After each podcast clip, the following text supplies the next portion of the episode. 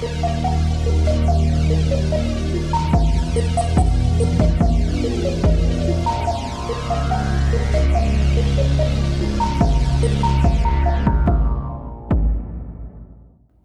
bij aflevering 67 van Moordzaken, de podcast. Vandaag bespreken we de moord op de boekverkoopster en gaan we terug naar 2012.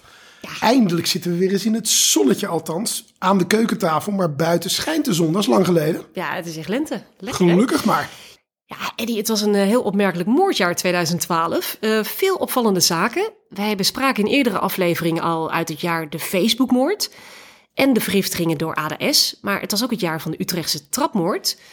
En daarbij was deze moord op Marianne Heij exact een jaar voor de gruwelijke moord op Ingrid Visser en Lodewijk Severijn, destijds in Spanje. Dus we gaan niet alles herhalen, maar wel de meest opvallende gebeurtenissen. En dat was toch voor mij de val van het kabinet. Dat gebeurde in april 2012. Rutte die bood zijn ontslag aan. En eh, wat ik wel bijzonder vond, is dat de verkiezingen later dat jaar, die werden gewonnen door de VVD, nipt voor Partij van de Arbeid. En als je dan kijkt naar die zetels, dat waren toen nog 41 en 38 zetels. Dus samen hadden ze de meerderheid. Het was ook de snelste kabinetsformatie ooit. Nou, dat zou ik nu niet zien gebeuren met eh, Nee, maar- vijf, zes partijen. Wat heb je nodig tegenwoordig? Hij zit er nog steeds. Ja, ongelooflijk. En Ja. misschien nog wel langer ook. We gaan het zien of hij de finish haalt. Nou, 2012 was ook het jaar van eh, Joran van der Sloot. Die werd begin dat jaar veroordeeld tot 28 jaar celstraf voor de moord op de Peruaanse Stephanie Flores. Vrij En- actueel. Ja, precies, want hij is nu weer eh gezuwd door Amerika. Hè? Hij moet eh, uitgeleverd worden als hij ooit vrijkomt. Hè? Dat zie ik nog niet gebeuren. Dat lijkt me onwaarschijnlijk. Nee. In mei 2012, eh, deze maand, 11 jaar geleden, de finale van het Eurovisie Songfestival in Baku, Azerbeidzjan. En de winnares was, net als afgelopen week, de Zweedse Loreen. Ja, Toen we hebben een tweede Johnny Logan te pakken. Ja, Iemand die meerdere keren wint. toen won ze met het lied Euphoria. Ja, en we hadden een mooie sportzomer, want het waren de Olympische Zomerspelen in Londen. Daar hadden we gelukkig wat goud eh, te vieren. Dat was eh, Marianne Vos, het was eh, Ranomi met die hele mooie achternaam. Kromo Wijoyo. Ja, Nou, niet slecht uitgesproken, hè? gedaan. De windsurfer hadden we te pakken en de hockeydames. Maar het mooiste was toch wel Epke Zonderland met zijn eh, sensationele Cassina Kovacs Koolman combinatie. Jezus. ja, dat, dat is pas kennis. Heel en goed. het was dus historisch goed. Zes gouden plakken. Nou, het was in ieder geval beter dan het EK voetbal dit jaar. Want eh, Nederland verloor alle drie de poolwedstrijden. Het was wel de pool des doods, hè, met, met Duitsland, Denemarken en Portugal. Maar Nou, ik wil het niet weten. Het ik heb was er, het ik, ik heb er, eh, dat was mijn enige bezoek aan Oekraïne ooit. Ik wil het niet weten. oké. Woord van het jaar maar. Het woord Facebookmoord eh, was genomineerd voor het woord van het jaar. Het winnende woord was echt de Project X-feest. Hè, dat dat eh, feest in Haren waar iedereen op afkwam. En het won het nipt voor het woord eh bangalijst. Maar ook eh, het woord pandapunt. Hebben we eerder genoemd. Toen vroeg ik nog Eddie.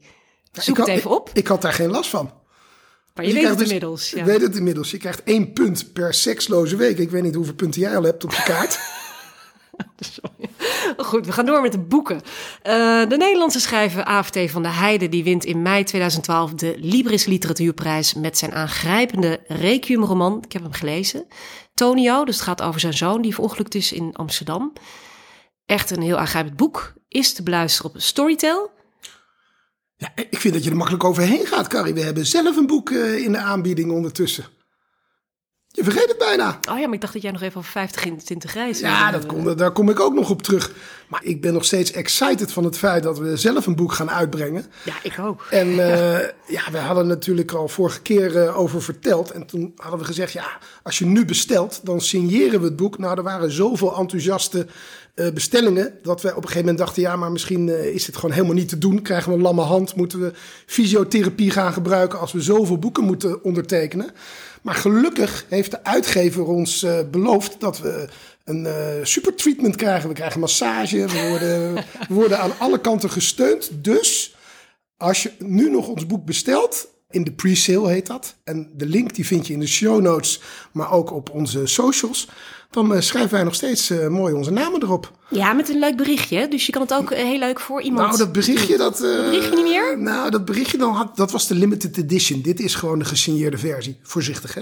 Oké, oké. Ja. Eh, maar hebben we hier dan een soort limiet aan van de eerste 500? Nou, ik denk we zijn dat- gewoon lekker gek, we doen het voor iedereen. Nou, ik denk die dat- gratis massage.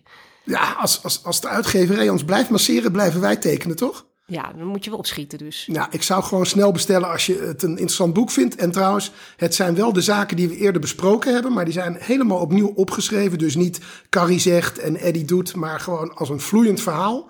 Met zeker eh, nieuwe inzichten. En ook van ons persoonlijke krijg je nog wat notes erbij. Ja, ligt, half juli ligt hij eh, in de winkel. Ja, en dan Storytel. Carrie noemde het al even. Ja, we weten nog niet eh, of en wanneer het boek dan bij Storytel te lezen zal zijn. Eh, daar gaan we natuurlijk zeker ons best voor doen. Maar de aanbieding van Storytel geldt nog steeds. En daarvoor ga je naar story.tel slash moordzaken. En dan kun je 30 dagen lang gratis gebruik maken van Storytel. Het is altijd opzegbaar. Nou ja, eh, ik zou zo de zomer tegemoet gaan met zo'n mooi Storytel abonnement. Ja, want je had nog een boek in de aanbieding. Oh ja, ik had nog een boek in de aanbieding. Althans, ook in dat jaar bedoel je de, de, vijf, 2012, ja. de 50 tinten grijs. En donkerder en vrij. Heb je gelezen? Nou, de grap is, ik heb het idee dat ik het gelezen heb. Omdat mijn vrouw hele nachten die boeken lag te lezen. En dan dacht ik, nou, ik eh, fantaseer de rest er maar even bij. Je, je ging in de min in de pandenpunten. Nou, eh, ik weet niet hoe, of Ja. dat punt opgeleverd heeft. Nou. Maar ehm, nou, het kan allemaal via Storytel. Kun je al die boeken teruglezen. Eh, wat een uitvinding. Het weer. eh 13 mei 2012. Het was een hele gemiddelde halfbewolkte dag met een temperatuur van 14 graden. Ja, en de muziek, een ongekende zomerhit. En ik wou bijna zeggen, het was bijna een hit voor het hele jaar. Want het gaat om het nummer Ballada Ja, van mag ik- mag ik wat Gustavo Lima. Dit lied stond zelf nog op 1 in augustus toen Ada S. eh, haar man vergiftigde. Dus ik, ik denk, zullen we smokkelen? Een paar dagen eerder stond namelijk Triggerfinger, de Belgische Triggerfinger, op 1 met I Follow Rivers. I follow you, deep sea, baby. I follow you, I, I follow. I follow you, dark room, honey. Oké, wat is er gebeurd business, Ja. 13 mei 2012? Ja, dat was rond half tien in de ochtend. De 54-jarige Marokkaanse Nasserin, ook wel Nasser genoemd, die belt zijn hoogbejaarde schoonouders, want zijn vrouw, Marianne, hun dochter dus, die is doodziek en hij vraagt of ze meteen kunnen komen. En dat doen ze. Behalve de ouders komen ook de zus en de man en de broer van Marianne naar het huis aan de Bennekomseweg in Wageningen. De 60-jarige Marianne die is al buiten bewustzijn, die ligt op de bank in de woonkamer en het ziet er heel slecht uit. Marianne die wordt samen met haar man Nasser in een ambulance naar het ziekenhuis in Nijmegen gebracht, waar ze wordt opgenomen op de intensive care. En diezelfde avond sterft Marianne in het bijzijn van haar man en familie aan nierfalen. Nou, ze voelt zich al lange tijd niet lekker. Eh, ze heeft veel klachten, dus, maar het is toch heel plotseling. Ook de intensivist, die plaatst vraagtekens bij haar plotselinge dood, die ligt de huisarts in en nog een uur na haar overlijden, rond 11 uur in de avond, wordt de politie ingelicht. Nou, de doodsoorzaak van Marianne, dat lijkt niet echt op een natuurlijke dood. Artsen die hebben het vermoeden dat ze is vergiftigd. En de politie wordt dus ingeschakeld. Rond middernacht wordt die Bennekomse weg in Wageningen afgezet en de straat staat vol met politieauto's. De 54-jarige echtgenoot van Marianne, Nasser, die, die zit gewoon aan de keukentafel als hij wordt aangehouden. Nou, hij was stom verbaasd dat de politie hem kwam halen.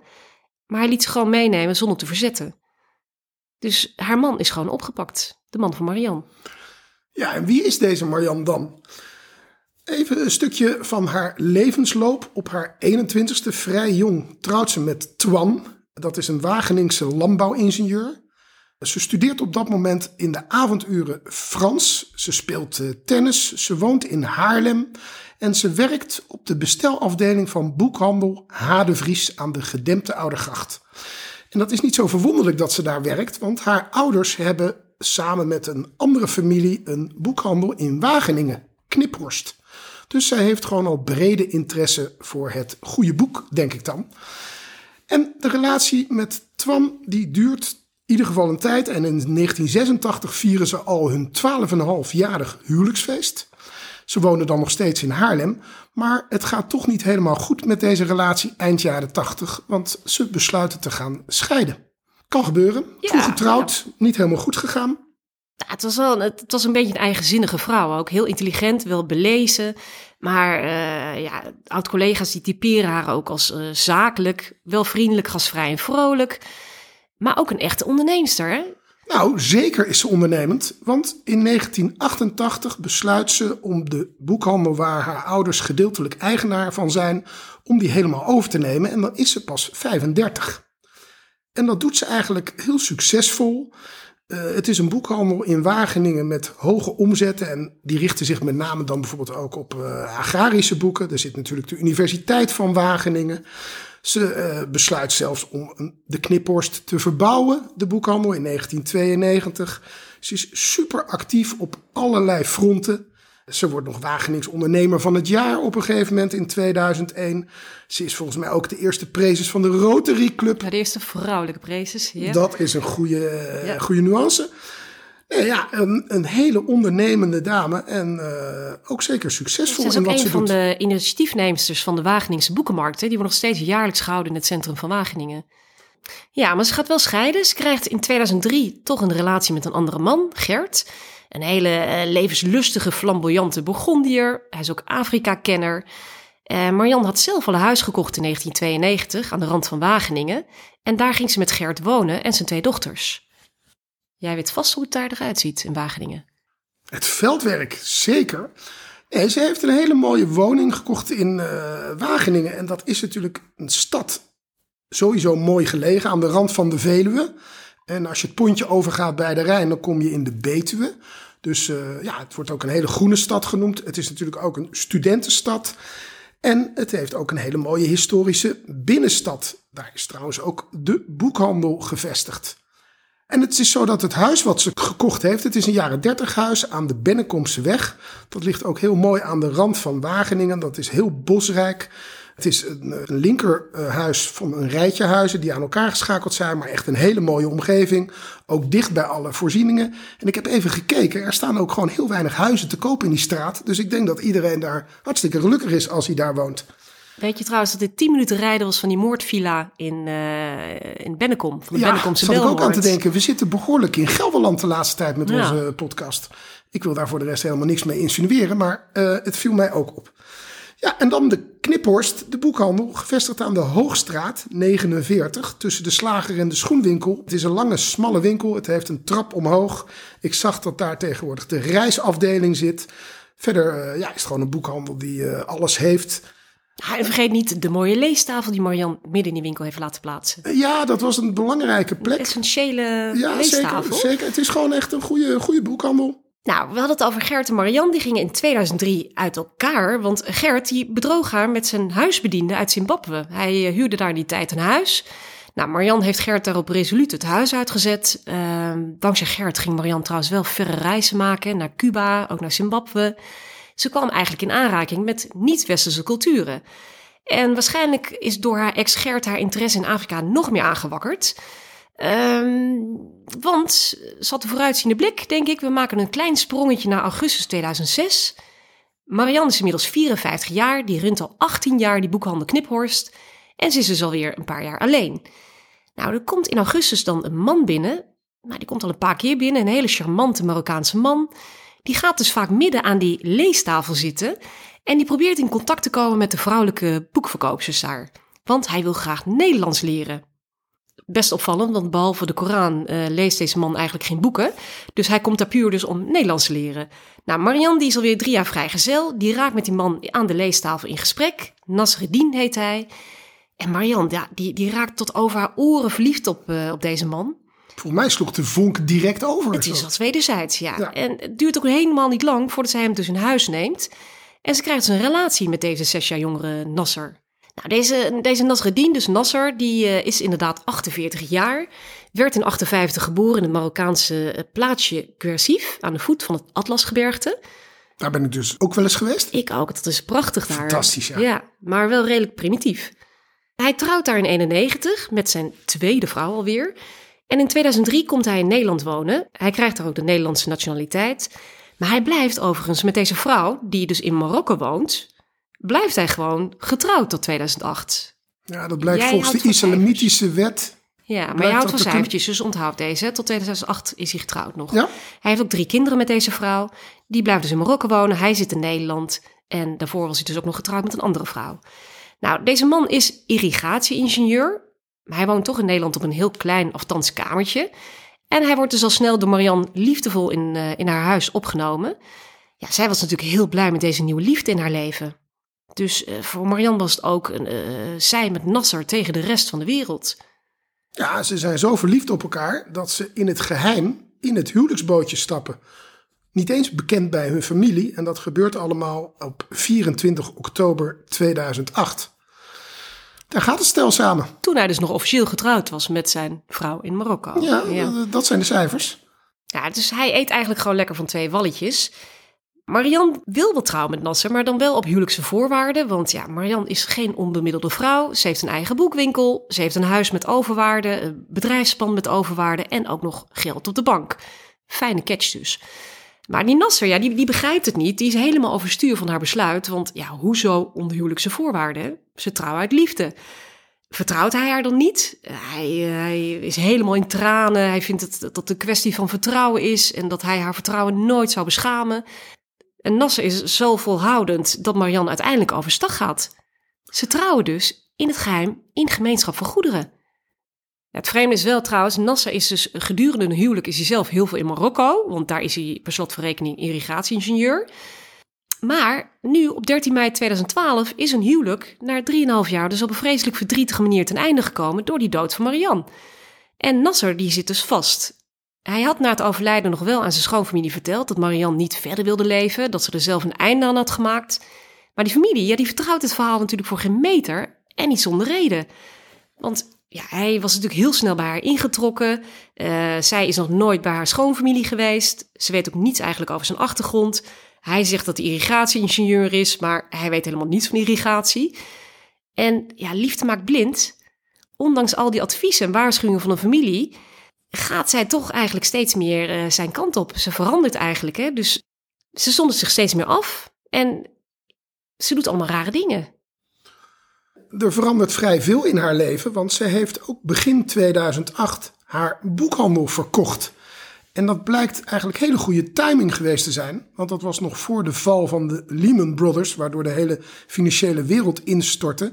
Zij heeft een enorm mooi bedrag gekregen voor die boekwinkel, die overigens ook gewoon heel goed draaide. Maar dan krijg je ook nog zeg maar een goodwill, nog een extra premie daarbovenop. En dan gaat het echt om serieuze bedragen, heb ik gezien. Dan gaat het eerder om miljoenen dan om een paar duizend euro. Ja, dat wist die Nasser natuurlijk. Vandaar dat belang om te zorgen dat ze in gemeenschap van goederen getrouwd zouden zijn. Daar zat natuurlijk voor hem een bepaalde missie in. Hij wilde natuurlijk de helft van het bezit van een rijke vrouw. Nou, volgens mij wilde hij nog meer. Hij wilde nog meer, want hij had ook gedaan gekregen dat eh Marianne haar testament ging wijzigen. Dat begon al inderdaad ook in 2008, april. Toen had zij haar woonhuis geschonken aan hem. Ook haar aandelen in de BV en zelfs het bedrijfspand had ze gelegateerd aan hem. Dan gaat het nog verder het jaar erop, april 2009. Dan benoemt zij Nasser tot haar enige en algehele erfgenaam. Dan zijn er nog wel een paar legaten voor haar broer en haar zus en die kinderen van haar ex-partner Gert. En dan de derde testamentwijziging, dan gaat het helemaal all out. Dat is in april 2010. Dan is Nasser gewoon de enige en algehele erfgenaam. Alles zou voor hem zijn bij het overlijden van Marjan. Ja, hier zit een financieel belang in, eh Carrie, Ja, dat is ja. duidelijk. Ja, er zou toch een lampje bij Marianne moeten gaan branden, hè? toch ergens in haar hoofd. Ik bedoel, geen felle TL-lamp, maar in ieder geval een, ergens een klein lampje. Nou, dat was niet voldoende. Nou, een jaar later, in oktober 2011, gaat Marianne mee met een groepsreis naar Turkije eh, zonder Nasser, want die zat weer eens in eh, Marokko. Nou, zij als ze op vakantie gaat, neemt ze altijd haar vertrouwde fles Bierenburg mee in de koffer. En s'avonds op haar hotelkamer drinkt ze dan een glaasje daaruit. Het was overigens een reis met allemaal alleenstaande en gescheiden vrouwen. En eh, nou, Marianne die stond er in het middelpunt, want die had natuurlijk iets te vertellen. Die had net een, eh, Een spannende Marokkaanse vriend. ja, ja, dus een woestijnprins. Maar ook tijdens deze reis kreeg Marianne haar eerste klachten. Ze was extreem moe, ze voelde zich niet zo lekker, ze had hoofdpijn, last van duizeligheid, trillende handen. En ook toen ze weer thuis kwam, had ze eigenlijk eh, ja, best veel om onverklaarbare redenen, best veel last van dingetjes. En in november begon ze dan ook een verband te zien hè, tussen dat slecht voelen en haar eet- en drinkpatroon. Nou, Nasser zat al die tijd trouwens in Marokko. Zelf houdt ze een notitieboekje bij, dat doet ze vanaf eind oktober 2011 tot en met april 2012. En dan schrijft ze dus in wat haar klachten zijn. Nou, ze schrijft dan ook: Het gebeurt alleen als ik thuis ben, als ik alleen ben. En altijd tijdens het eten, in de, in de morgen, tussen de middag, niet in de avond. Dan schrijft ze op bijvoorbeeld 12 november, eh, een halve boterham met koffie, direct foute boel. 20 november, 12 uur middags, ik neem Griekse yoghurt en een muesli. Nou, bij de eerste hap prik met tong. Het is, smaakt metalig. Ik word draaierig, prikkende voeten, koud, om twee uur schele hoofdpijn. Ja, je denkt dan, gaan haar alarmbellen niet af? Ja, dat valt tegen. Ze zou op 23 januari 2012 zou ze 60 jaar worden. En er waren allerlei feestelijkheden voor haar geregeld. Er zou een eenmalige glossy komen voor haar. Maar Marjan is nog steeds ziek. Dus het hele feest kan geen doorgang vinden. Nasser was even teruggekomen in januari om, denk ik, dat beoogde verjaardagsfeest te vieren, wat dus niet doorging. Maar hij gaat in februari weer terug. Hij zegt nog wel even van, jongens, jullie moeten goed op Marjan letten. Tegen de buren volgens mij, van uh, iedere paar uur even langs gaan. Nou ja, dat is natuurlijk wel een lastige vraag aan de naaste buurvrouw om elke uur te gaan kijken. Er komt dan ook familieberaad. En de familie besluit dat het goed is als Marjan bij haar zus in uh, huis zou komen. Maar ook dat blijkt best wel lastig te zijn, want ze is hartstikke ziek. Na vier dagen moet ze opgenomen worden. En dat betekent dat ze naar het Valleiziekenhuis in Ede gaat. En ja, die maken een diagnose. Die zeggen het lijkt op een atypische variant van het syndroom van Guillain-Barré. Uh, ik hoop dat ik het goed uitspreek. Het is in ieder geval een zeldzame niet-dodelijke zenuwaandoening. Ik moet zeggen, de, de, de eigenschappen uh, lijken wel een beetje op wat ze heeft. Het zijn ziekte in de spieren van de armen, de benen en de romp. En die zouden dan verzwakken. En sommige mensen raken verlamd. Dus ja, het heeft wel een beetje de karaktereigenschappen van wat Marianne allemaal voelt. En ook je tenen en je vingers gaan je minder goed voelen. Ja, dat is eigenlijk wat ze denken dat het is. Het is ook niet zo dat het heel veel beter met haar gaat, volgens mij. Nou ja, iets beter. Want ze mag wel na een maand uh, revalideren op 13 maart. Ja, ze gaat naar Klimmendaal in Arnhem, een revalidatiecentrum. Uh, maar ze blijft nog steeds onverklaarbare aanvallen houden, vooral nadat ze wat gegeten of uh, gedronken heeft.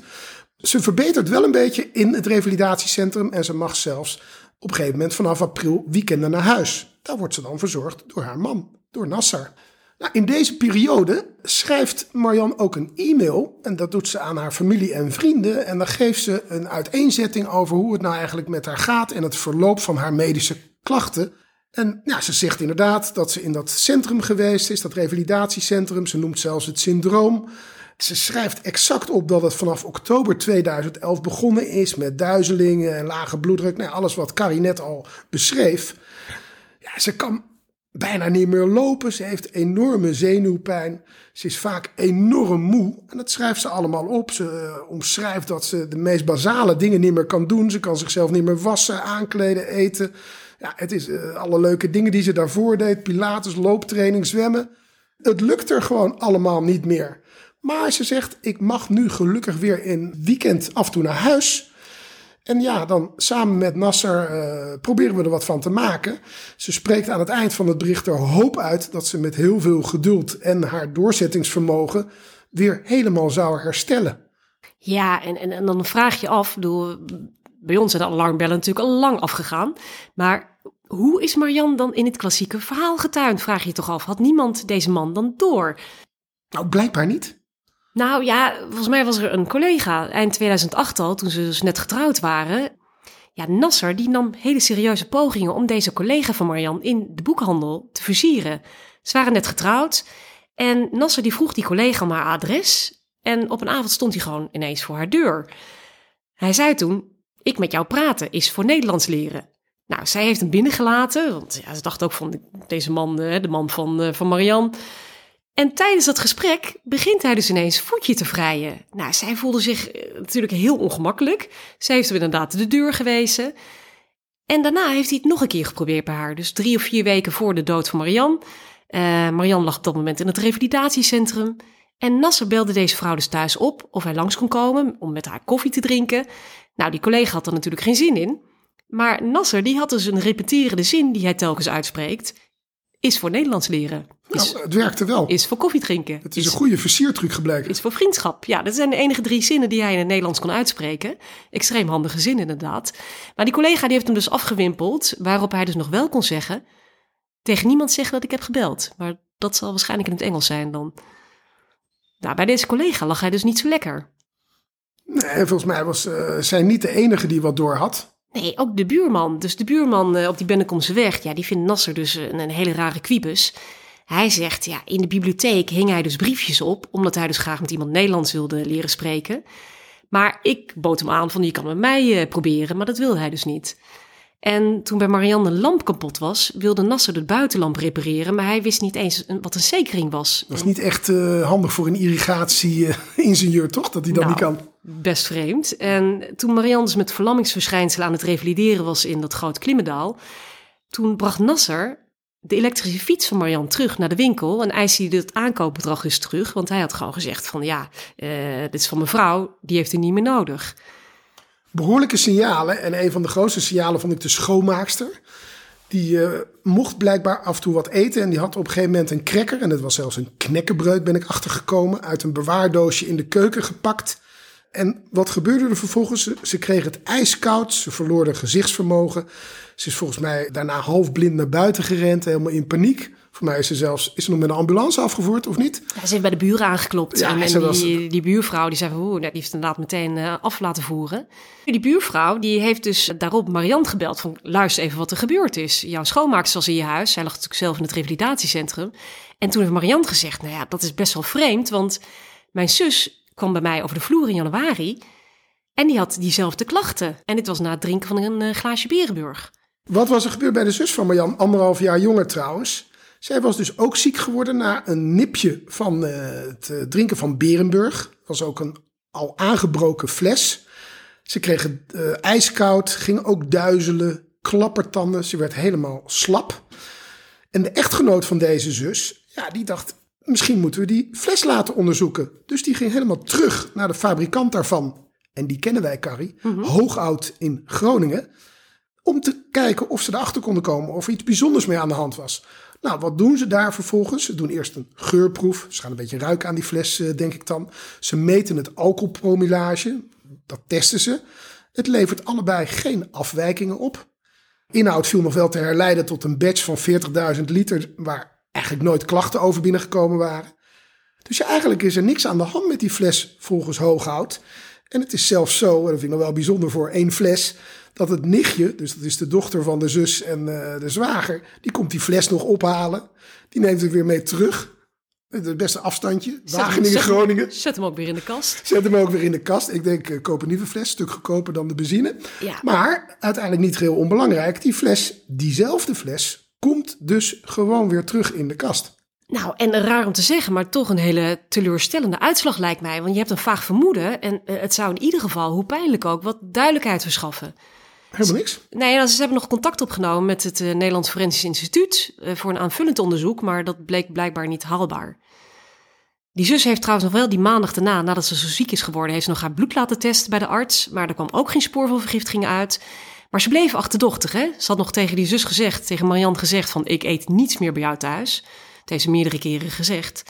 Maar het vermoeden dat Marianne vergiftigd werd, was er dus, maar niemand greep in. En ik denk ook, Eddie, ergens is dat ook begrijpelijk, toch? Want dit zijn vermoedens die in je stoutste dromen afspelen. En die neem je niet voor waar aan. Ik bedoel, dat je dit wegstopt omdat het zo absurd is. Je gaat er toch niet vanuit dat de mens zo in elkaar zit? Nee, ik denk dat dit ook ieders voorstellingsvermogen dan toch te boven gaat. Maar ergens voel je aan je water dat er iets niet klopt. Dat, dat, dat moet toch ook wel zo zijn. Nou, en dat is zo, want er is sectie verricht op het lichaam van Marianne. En de lijkschouwer, ja, die had op 13 mei in de avond al geconcludeerd dat Marianne dus is gestorven aan een niet-natuurlijke dood. Maar het NFI doet ook onderzoek en die zien dan ook dat de achterste streng van haar ruggenmerg zwaar beschadigd lijkt te zijn. En dat kan worden verklaard door vergiftiging met eh, pesticiden, dus met landbouwgif.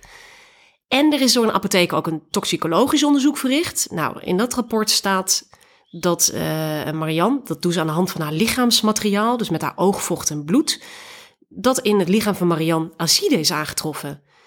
En die hoeveelheid acide is schijnbaar genoeg om te zorgen dat Marianne overleed. Nou, daarnaast nog een pathologieonderzoek ook gedaan. En ja, daarin staat dat eigenlijk geen andere doodsoorzaak vastgesteld kan worden dan een natriumacidevergiftiging. Ja, misschien nog even wat meer informatie over dit toch wel dodelijke gif.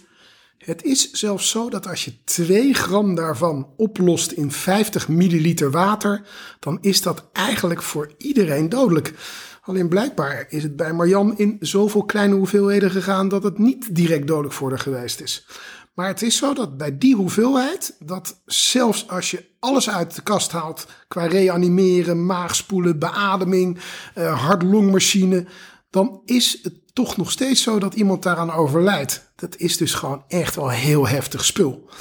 En het, je kunt het ook niet vermijden, want het wordt direct zo in je lichaam opgenomen. Dat heet gemetaboliseerd. Ja, ik heb ook weer wat termen geleerd, maar dat wordt dus omgezet in andere stofjes. Ja, dat gaat razendsnel. Ja, er is ook geen tegengif. Dat hebben we natuurlijk ook geleerd van de pindakaasmoord. Ja, maar je zou bijna hopen in dit geval, dat had ze maar in één keer een hele grote hoeveelheid gekregen. Want nu is het natuurlijk een enorme lange leidersweg geweest. Ja, het politieonderzoek was tijdens dat uh, toxicologisch onderzoek ook in volle gang. Vlak na Marians dood krijgt de politie een notitieboekje in handen dat van haar is geweest. Nou, dat hebben we net al verteld, dat dat soort dagboekje dat zij heeft bijgehouden vanaf oktober.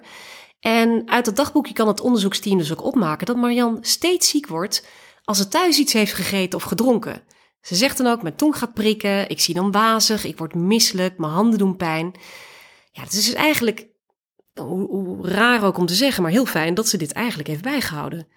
En verder is het natuurlijk ook nog wel wat vreemd gedrag geweest van Nasser. En dan op die 13e mei in de ochtend, toen hij inderdaad uh, aangaf dat Marjan zo ziek was, heeft hij ook nog gezegd dat hij per se zijn eigen auto wilde halen. Terwijl zijn vrouw natuurlijk enorm ziek was, daar had hij ook gewoon bij kunnen blijven. Toen heeft zijn zwager hem uiteindelijk nog naar huis gebracht. Toen is Nasser vervolgens nog de kliko gaan buiten zetten. Hij heeft zelfs nog uh, bij zijn schoonouders een plan bezorgd. Dat had namelijk met moederdag te maken. Ja, terwijl zijn ouders zelf gewoon naast het bed van hun dochter zaten. Ja, waar hij ook behoorde te zitten. Uh, behoorlijk vreemd. Ja, en vanuit zijn auto, een Peugeot, belt hij nog naar iemand in Wiegen, een vriendin. Hij wil eigenlijk daar een koffertje komen halen. Maar zij zegt, dat komt niet goed uit. Dus Nasser gaat terug naar het Radboud ziekenhuis, want uh, Marjan is natuurlijk opgenomen. Ja, en uiteindelijk is dat later op de avond ook gewoon het sterfbed van Marjan. Een paar dagen later, en hebben we het over 15 mei, wordt de fles Berenburg, die dus inderdaad gewoon weer in de kast stond, wordt in beslag genomen. En wat blijkt, 1,7 gram natriumazide zit in een liter van die drank opgelost. Dat is dus blijkbaar dus niet zo'n mega heftige hoeveelheid. Maar het is een kleurloze en giftige stof die bij inname uiteindelijk dodelijk is. Nou, en het huis natuurlijk van Nasser Marian wordt ook door de politie onderzocht. Uh, dat zoeken ze helemaal van voor naar achter. En wat vindt de recherche?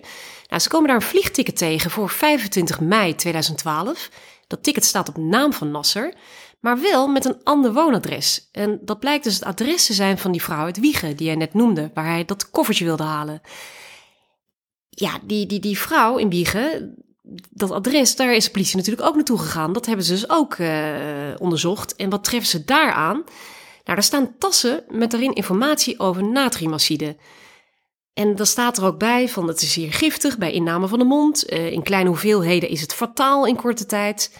Ja, dan vragen we ons natuurlijk af, wie is deze vriendin in Wiegen? Um, die vrouw, heel bizar Eddie, die was dus werkzaam als analist in het Nijmeegse Radboud. Zij kende Nasser al jaren, ze had heel veel contact met hem. Uh, het ging nog verder. Nasser had zelfs een sleutel van haar huis. Ook de post van Nasser werd bezorgd op dit adres. En die vriendin het Wiegen, die wordt dan ook gehoord door de recherche, later ook nog in de rechtbank. En zij verklaart, ja, ik ken hem inderdaad al heel lang, want iedere vrijdag komt Nasser bij haar op bezoek.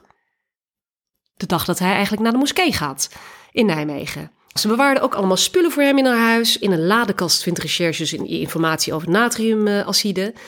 Maar die vriendin die zegt dan, ja, die informatie heb ik opgezocht uh, om een reden, bepaalde reden. Want Nasser, ja, die had mij gevraagd om een verdelgingsmiddel. Hij gaat natuurlijk altijd naar Marokko, hij heeft daar een heel landbouwbedrijf en hij heeft extreem last van muizen. Dus die, uh, die had mij gevraagd van ja, ik, ik heb iets nodig uh, om die, die, die, ongedierte even aan te pakken. Nou, die vrouw die is dus werkzaam als analist op uh, de afdeling biochemie. En die had dus twee keer voor Nasser natriumacide meegenomen. De eerste keer zelfs in oktober 2011 al. En dan neemt ze een oplossing van 7 gram in demi water in een glazen potje mee. En nog een extra 20 gram in een blauw plastic buisje met een druppelaar. Ja, en was dat nou maar de enige keer geweest? Nee, ook twee dagen voordat Marianne uiteindelijk overlijdt, en dat is dus 11 mei 2012, neemt ze nog een keer 8 gram mee en weer een navulbuisje met misschien wel 20 tot 30 gram. Enorme hoeveelheden. Ja, ik vind het altijd bijzonder dat mensen er zo makkelijk bij kunnen. Ook al werk je in een ziekenhuis, zou je zeggen dat dit misschien wat beter weggestopt wordt. Maar dat zijn natuurlijk enorme grote hoeveelheden van een dodelijk gif. En niet bedoeld om de muizen te bestrijden. Nee, nou, er was nog iets opvallends. Deze vriendin uit Wiegen, die had op haar computer ook nog een heel adresbestand van vrouwen. Want wat gebeurde er? Nasser, die stuurde deze vrouwen lieve berichtjes om zijn geld af te troggelen.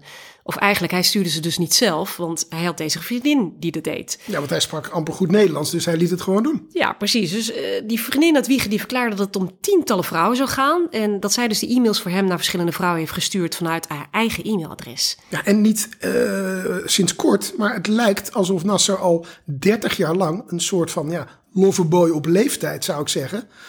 Van, van adres naar adres hopt, van vrouw naar vrouw. En ze op allerlei manieren probeert ja, geld afhandig te maken. Ja, volgens een bepaald patroon. Hè? Hij, hij nodigt ze dan uit voor een kop koffie, vraagt dan een e-mailadres of telefoonnummer. En dan vervolgens stuurt hij dus met behulp van die vriendin al, al die berichtjes.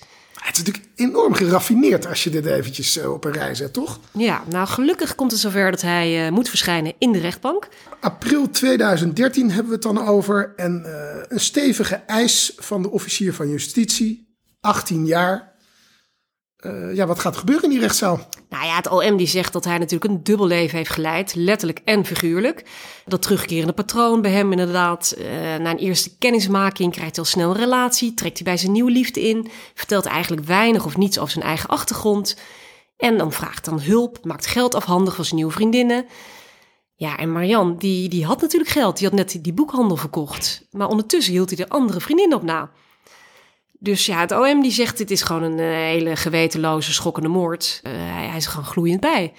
Er is ook nog een belangrijke getuige, dat is de boekhouder, want het gaat natuurlijk om geld in deze zaak. Het blijkt dat Marjan een maandelijkse toelage van 1000 euro betaalde aan Nasser. Daarnaast betaalde ze ook benzine voor hem, want hij ging op vrijdag dan naar de moskee. Ondertussen weten we dat hij ergens anders naartoe ging, namelijk naar zijn eh, vriendin op vrijdag. Ze betaalde ook nog tickets naar Marokko voor hem, omdat hij, eh, hij zou aan een EU-project werken voor het slaan van waterputten. Hij had overal een mooi verhaal bij. Maar zelfs voor het huwelijk had ze ook nog twee ton aan hem geschonken. Dat zijn echt serieuze bedragen. Daarnaast blijkt het ook nog dat hij heel veel geld heeft kunnen pinnen. Want in dat koffertje, wat Carrie al eerder noemde, bij de vriendin, wat hij wilde gaan ophalen, daar bleek 150.000 euro in te zitten. Ik geloof in, eh, in, in 15 envelopjes van 10.000. Ja, zeven, zeven enveloppen. Ja. Ja, dus hij had gewoon stelselmatig had hij al geld onttrokken aan de rekening van Marjan. Vrij geraffineerd, toch? Ja, hij had ook gezegd die, die 150.000 euro was afkomstig van een eh, verkoop van een pand in Marokko. Nou, het OM zegt ook dat is echt ongeloofwaardig.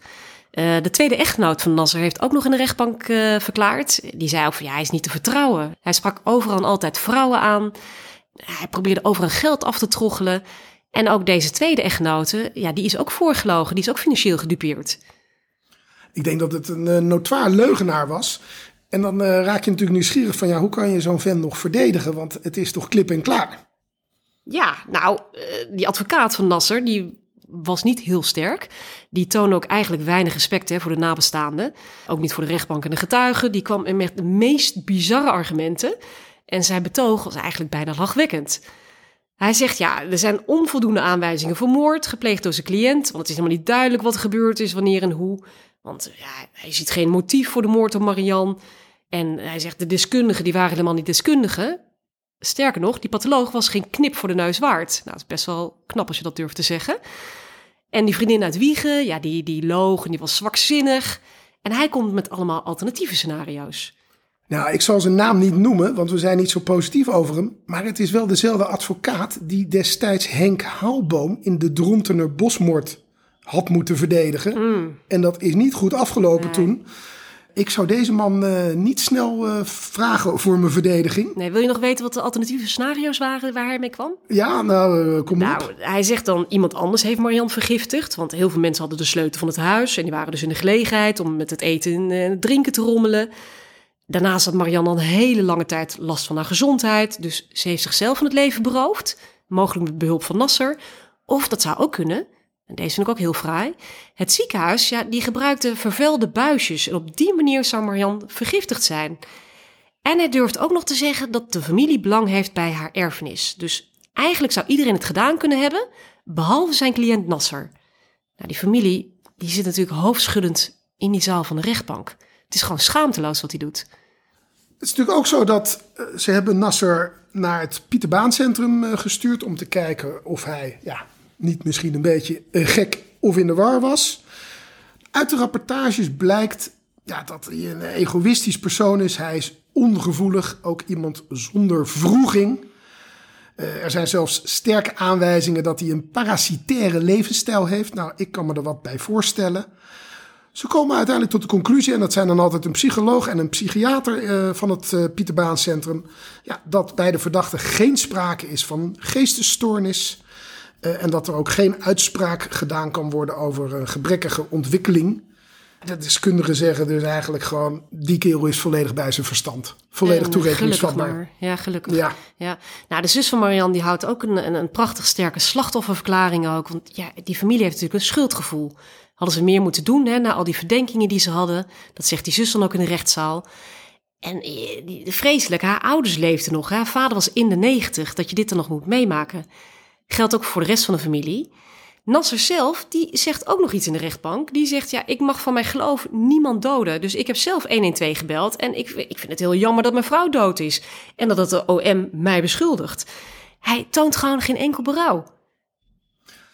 Nou, en dan komen we natuurlijk nog even het motief. Dat is klip en klaar, dat is financieel. Nou, we hebben natuurlijk al gezegd, het begon al met de trouwen in gemeenschap van goederen. Dan wist hij, nou, dan heb ik de helft van haar bezit. En dat was natuurlijk die verkoop van die boekhandel heel belangrijk in. En dan in een aantal stappen heeft hij gezorgd dat haar testament zo gewijzigd is dat hij overal recht op had. Ja, en dan verder zijn er natuurlijk heel veel ja, bewijzen, zeker getuigenissen, waaruit blijkt dat en hij kon beschikken over het gif. Dat was via de vriendin die dat voor hem verzorgd had.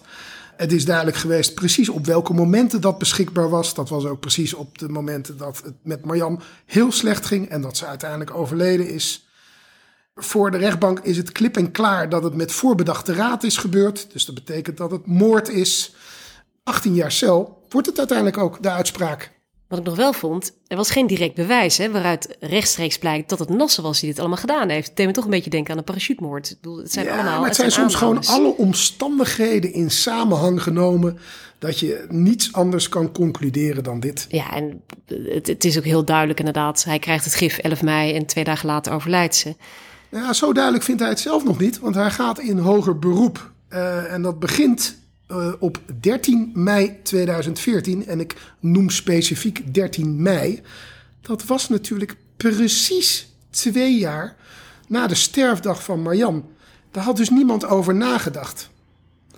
Dat is natuurlijk best bijzonder. Hoe pijnlijk moet dat geweest zijn voor de nabestaanden als je precies op die sterfdag daar in de rechtszaal zit? Ik vond het een hele knullige actie. Ja, eh, helemaal verkeerde timing. Er worden wel excuses aangeboden aan de nabestaanden. Nou, dat heeft weinig zin dan toch? Hoop je ervoor, inderdaad. Ja. Nou ja, Nasser zelf was niet aanwezig op dat moment. Hij heeft wel een nieuwe advocaat. Eh, ja, die gaat met gestrekt been deze zaak in. Roept, cliënt is onschuldig. Het hoeft helemaal niet zo te zijn dat Marjan vergiftigd is. Dat kan je, althans niet, die conclusies kan je niet trekken op basis van het medisch dossier. En hij zegt, ja, er moet aanvullend onderzoek gedaan worden. Er is eigenlijk een contra-expertise nodig. Daar is hij weer. Hij, hij nodigt daar iemand voor uit. Eh Dr. Spendlove, de bekende forensische deskundige. Ja, uit het grenslijk. We hebben een soort allemaal zaken die terugkomen. een Utrechtse trapmoord, geloof ik Ja, ook, hè? we- het, de- deze zaak, allerlei personages komen weer terug. Ja, maar eh, deze naam is natuurlijk onvergetelijk. Dr. Spendlove. Nou, die, die heeft op verzoek van de verdediging inderdaad opnieuw naar de doodsoorzaak van Marian gekeken. En hij zegt, ja, dat onderzoek van het NFI, dat deugt niet. Want inderdaad, eh, het is best goed mogelijk dat Marian niet is overleden door vergiftiging. Die hoeveelheid acide in haar lichaam, dat hoeft niet dodelijk te zijn. Het kan ook zo zijn dat ze eigenlijk een hartfaal is overleden. Of dat er sprake is van uh, aderverkalking. Maar om het zeker te weten moet er opnieuw onderzoek worden gedaan. En het Hof, ja, die, die stemt daarin toe. Dus het onderzoek naar de doodsoorzaak van Marian moet over. Ja, en die advocaat van uh, Nasser, die ziet dat natuurlijk als een soort triomf. Want die zegt, ja, het gaat er dus niet om van wie is de dader, maar nu hebben we de vraag van, is er, is er wel iemand vermoord eigenlijk? Hè? Want je zou dus kunnen beweren dat ze niet vermoord is. Dan komt het onderzoek, uh, dat duurt best wel even voordat de uitslag daarvan is. Dan hebben we het al over 2015. De zaak in hoger beroep gaat pas in 2016 verder. Tijd gaat heel snel. Ja, wat is dan bijzonder, Carrie? Nou, ik vond het heel bijzonder. Godzijdank kunnen ze het doen aan de hand van haar lichaamsmateriaal. Dus dat bewaarde uh, bloed en het oogvocht. Want uh, voor hetzelfde geld zou, ze, zou haar lichaam opgegraven moeten worden. Nee, die toxicoloog die heeft dan de uitslag en uh, ja, die zegt dan ook... dit, is onwaarschijnlijk dat, dat, uh, dat tijdens haar opname op de intensive care van het Radboud... aan die natriumacide is blootgesteld. Dus het is gewoon zo, ze is gewoon uh, toegediend. Het is gewoon echt een, een chronische vergiftiging met natriumacide. En wat ik dus bijzonder vond in deze hoger beroepszaak... dat Nasser geen advocaat meer heeft en zelf het woord voert. Hij heeft ook geen tolk... Nou wordt hij er natuurlijk steeds op gewezen dat hij het recht heeft op een advocaat. En dat het goed is als hij zich laat bijstaan door een advocaat. Maar hij heeft een hele, ja, hij is ook een beetje gek, een hele rare eis. Hij wil eerst in vrijheid gesteld worden voordat hij een nieuwe advocaat gaat zoeken. Een onredelijke eis. Hij zegt gewoon, advocaten helpen mij niet, want ze vinden de zaak te moeilijk. Uh, uh, ja, hij wil ook geen tolk. En dat lijkt me best moeilijk. Als je vocabulaire niet verder reikt dan is voor Nederlands leren. Is voor koffie drinken, is voor vriendschap. Nou, hij voert, hij voert inderdaad zelf het woord. Uh, en de kat in de nauw maakt rare sprongen. Hij ontkent natuurlijk dat hij Marianne heeft vergiftigd. Uh, hij zegt, ja, ze was ziek. Uh, ik weet ook niet waardoor Vooraans is overleden. hij zegt ook nog dat, dat die vriendin uit Wiegen, die analist, die heeft belastend over hem verklaard. Maar dat komt omdat zij bang is voor de politie. En ze, hij zegt, van, er is gewoon sprake van een complot van Marians familie. Ze willen mij op laten draaien voor haar dood. En hij komt dus met allemaal rare uh, complottheorieën. Die familie, die, die mocht dan ook een slachtofferverklaring voorlezen. En die broer van Marianne, ja, die noemde het zo pijnlijk dat Nasser het steeds over die complottheorie heeft. Mede door zijn houding is die boosheid en het verdriet niet weg. We hebben geen tijd gehad voor verwerking. Hij gelooft, dus Nasser gelooft in zijn eigen leugens. En zelfs tijdens het huwelijk hield hij zijn handen op bij andere vrouwen. Gelukkig maar dat het Hof uh, niet trapt in deze gekke complottheorieën van Nasser. Het blijft voor hun voorbedachte raden dus moord en ook de straf 18 jaar onveranderd. Nou, er komt nog cassatie en uh, ik heb het er ergens kunnen vinden. Hij neemt nog advocaat Spong in de arm voor zijn cassatie. Blijkbaar is hij wel goed genoeg. Nou, hij gooit het dan op dat, uh, dat hij vindt dat de rechters destijds niet goed hebben gekeken of het wel verstandig was dat hij zonder advocaat in die rechtbank verscheen. Maar ja, dat was toch zijn eigen keuze. Hij had alle informatie gekregen die nodig was voor zijn verdediging. Dus die cassatie wordt in 2017 ook verworpen. Ja, en uh, Sprong hebben we natuurlijk ook eerder gehad. Het was weer een uh, déjà vu. Natuurlijk in de uitvaartverzorger, daar was hij wel succesvol met zijn cassatie.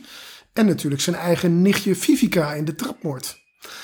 Daar hebben we meer, maar in dit geval geen succes bij cassatie. Alles wordt uiteindelijk uh, afgewezen. Maar het blijft niet bij deze strafzaak. Er volgt ook nog een civiele procedure en dan hebben we het over mei 2020. En deze voert Nasser vanuit zijn cel. Ja, en waar gaat het dan om? En dan komen we weer bij een andere zaak terecht. Als je iemand vermoordt, dan kun je niet van hem erven. Dan ben je een onwaardige deelgenoot. En dat weten we nog van Dick van Leeuwarden bij de Butlermoord. Dus daar is geen discussie over, over de erfenis. Maar het gaat nu om de verdeling van de huwelijkse gemeenschap. Want als iemand overlijdt, dan wordt het huwelijk uiteindelijk verbroken. En feitelijk gemeenschap van goederen, recht op de helft ervan. Ja, en dat is wat Nasser probeert te krijgen. Hij wil eigenlijk gewoon nog de helft van het bezit hebben. Nou, dan is natuurlijk de vraag, hoe ga je daarmee om? Dit is zelfs een zaak die ook nog bij het Hof komt. Die zegt, ja, maar wacht eens even, deze meneer heeft puur gehandeld uh, met het oog op financieel gewin. We hebben natuurlijk gezien hoe hij langzaam helemaal in het leven van Marjan is gekomen en ook al haar geld en vermogen geprobeerd naar zich toe te trekken. En dan zegt het Hof gelukkig: Dit is natuurlijk niet de bedoeling. Eigenlijk was het een arme vent en uh, Marjan was vermogend. Met alle redelijkheid en billijkheid in ogen genomen kan het natuurlijk nooit zo zijn dat deze man recht heeft op het geld, wat eigenlijk helemaal niet van hem is. Dus ook daar heeft hij geen poot om op te staan en krijgt hij helemaal moppes. Hij mocht alleen het bezit dat hij al had verworven in Marokko houden. Nou, dat zal een een of ander simpel appartementje achter een hele grote berg zijn, denk ja, ik. Ja. Nee, hij, had dus beter, hij had beter een echtscheiding kunnen aanvragen. dat was beter geweest. Dan Ja. had hij wel wat gekregen. Het is zo dat wij voor deze podcast veel hebben geput uit een boek. Aardig boek om te lezen van Frank Westerman. Je kunt het op Storytel vinden, kan je het ook nog luisteren.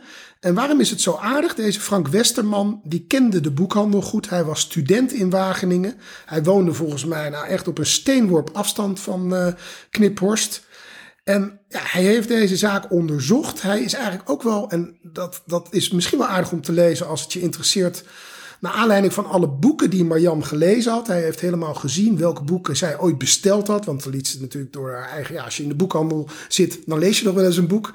Heeft hij helemaal zitten kijken van wat er nou eventueel in haar om is gegaan. En hoe ze in de loop der jaren is veranderd. Het boek wat op Storytel staat heet De moord op de boekverkoopster van Frank Westerman. Leuk om te lezen, hebben wij dankbaar gebruik van gemaakt. Verder, waar staan we met Nasser? Nou ja, ik bedacht me ineens 18 jaar. Dus na 12 jaar zitten komt hij weer vrij. Gerekend vanaf 2012. Dus dan komen we uit in mei 2024. Hij is dus bijna weer vrij. Dus hij is waarschijnlijk nu aan het eh, resocialiseren. En dat is best wel een, een, een raar idee, hè? Dus Marianne heeft natuurlijk de ongelofelijke pech gehad... dat ze deze sukkel is tegengekomen... en zijn mooie praatjes is getrapt. Maar laat het in ieder geval een waarschuwing zijn, want het waren hele gelikte praatjes en hij was super geraffineerd. En eh, ja, hoe moet je straks weten als hij weer vrij rondloopt dat dit de Nasser is van deze enorm gruwelijke daad? Het staat niet op zijn voorhoofd geschreven. We zullen ook over deze zaak weer wat beelden met jullie delen. Eh, dat doen we zoals jullie van ons gewend zijn op Instagram en Twitter. Moordzaken Luister jij graag naar moordzaken en wil je Carrie en Eddy ondersteunen? Ga dan, als je wat kan missen, naar fooiepot.com slash moordzaken en geef daar een digitale fooi. Dus fooiepot.com slash moordzaken.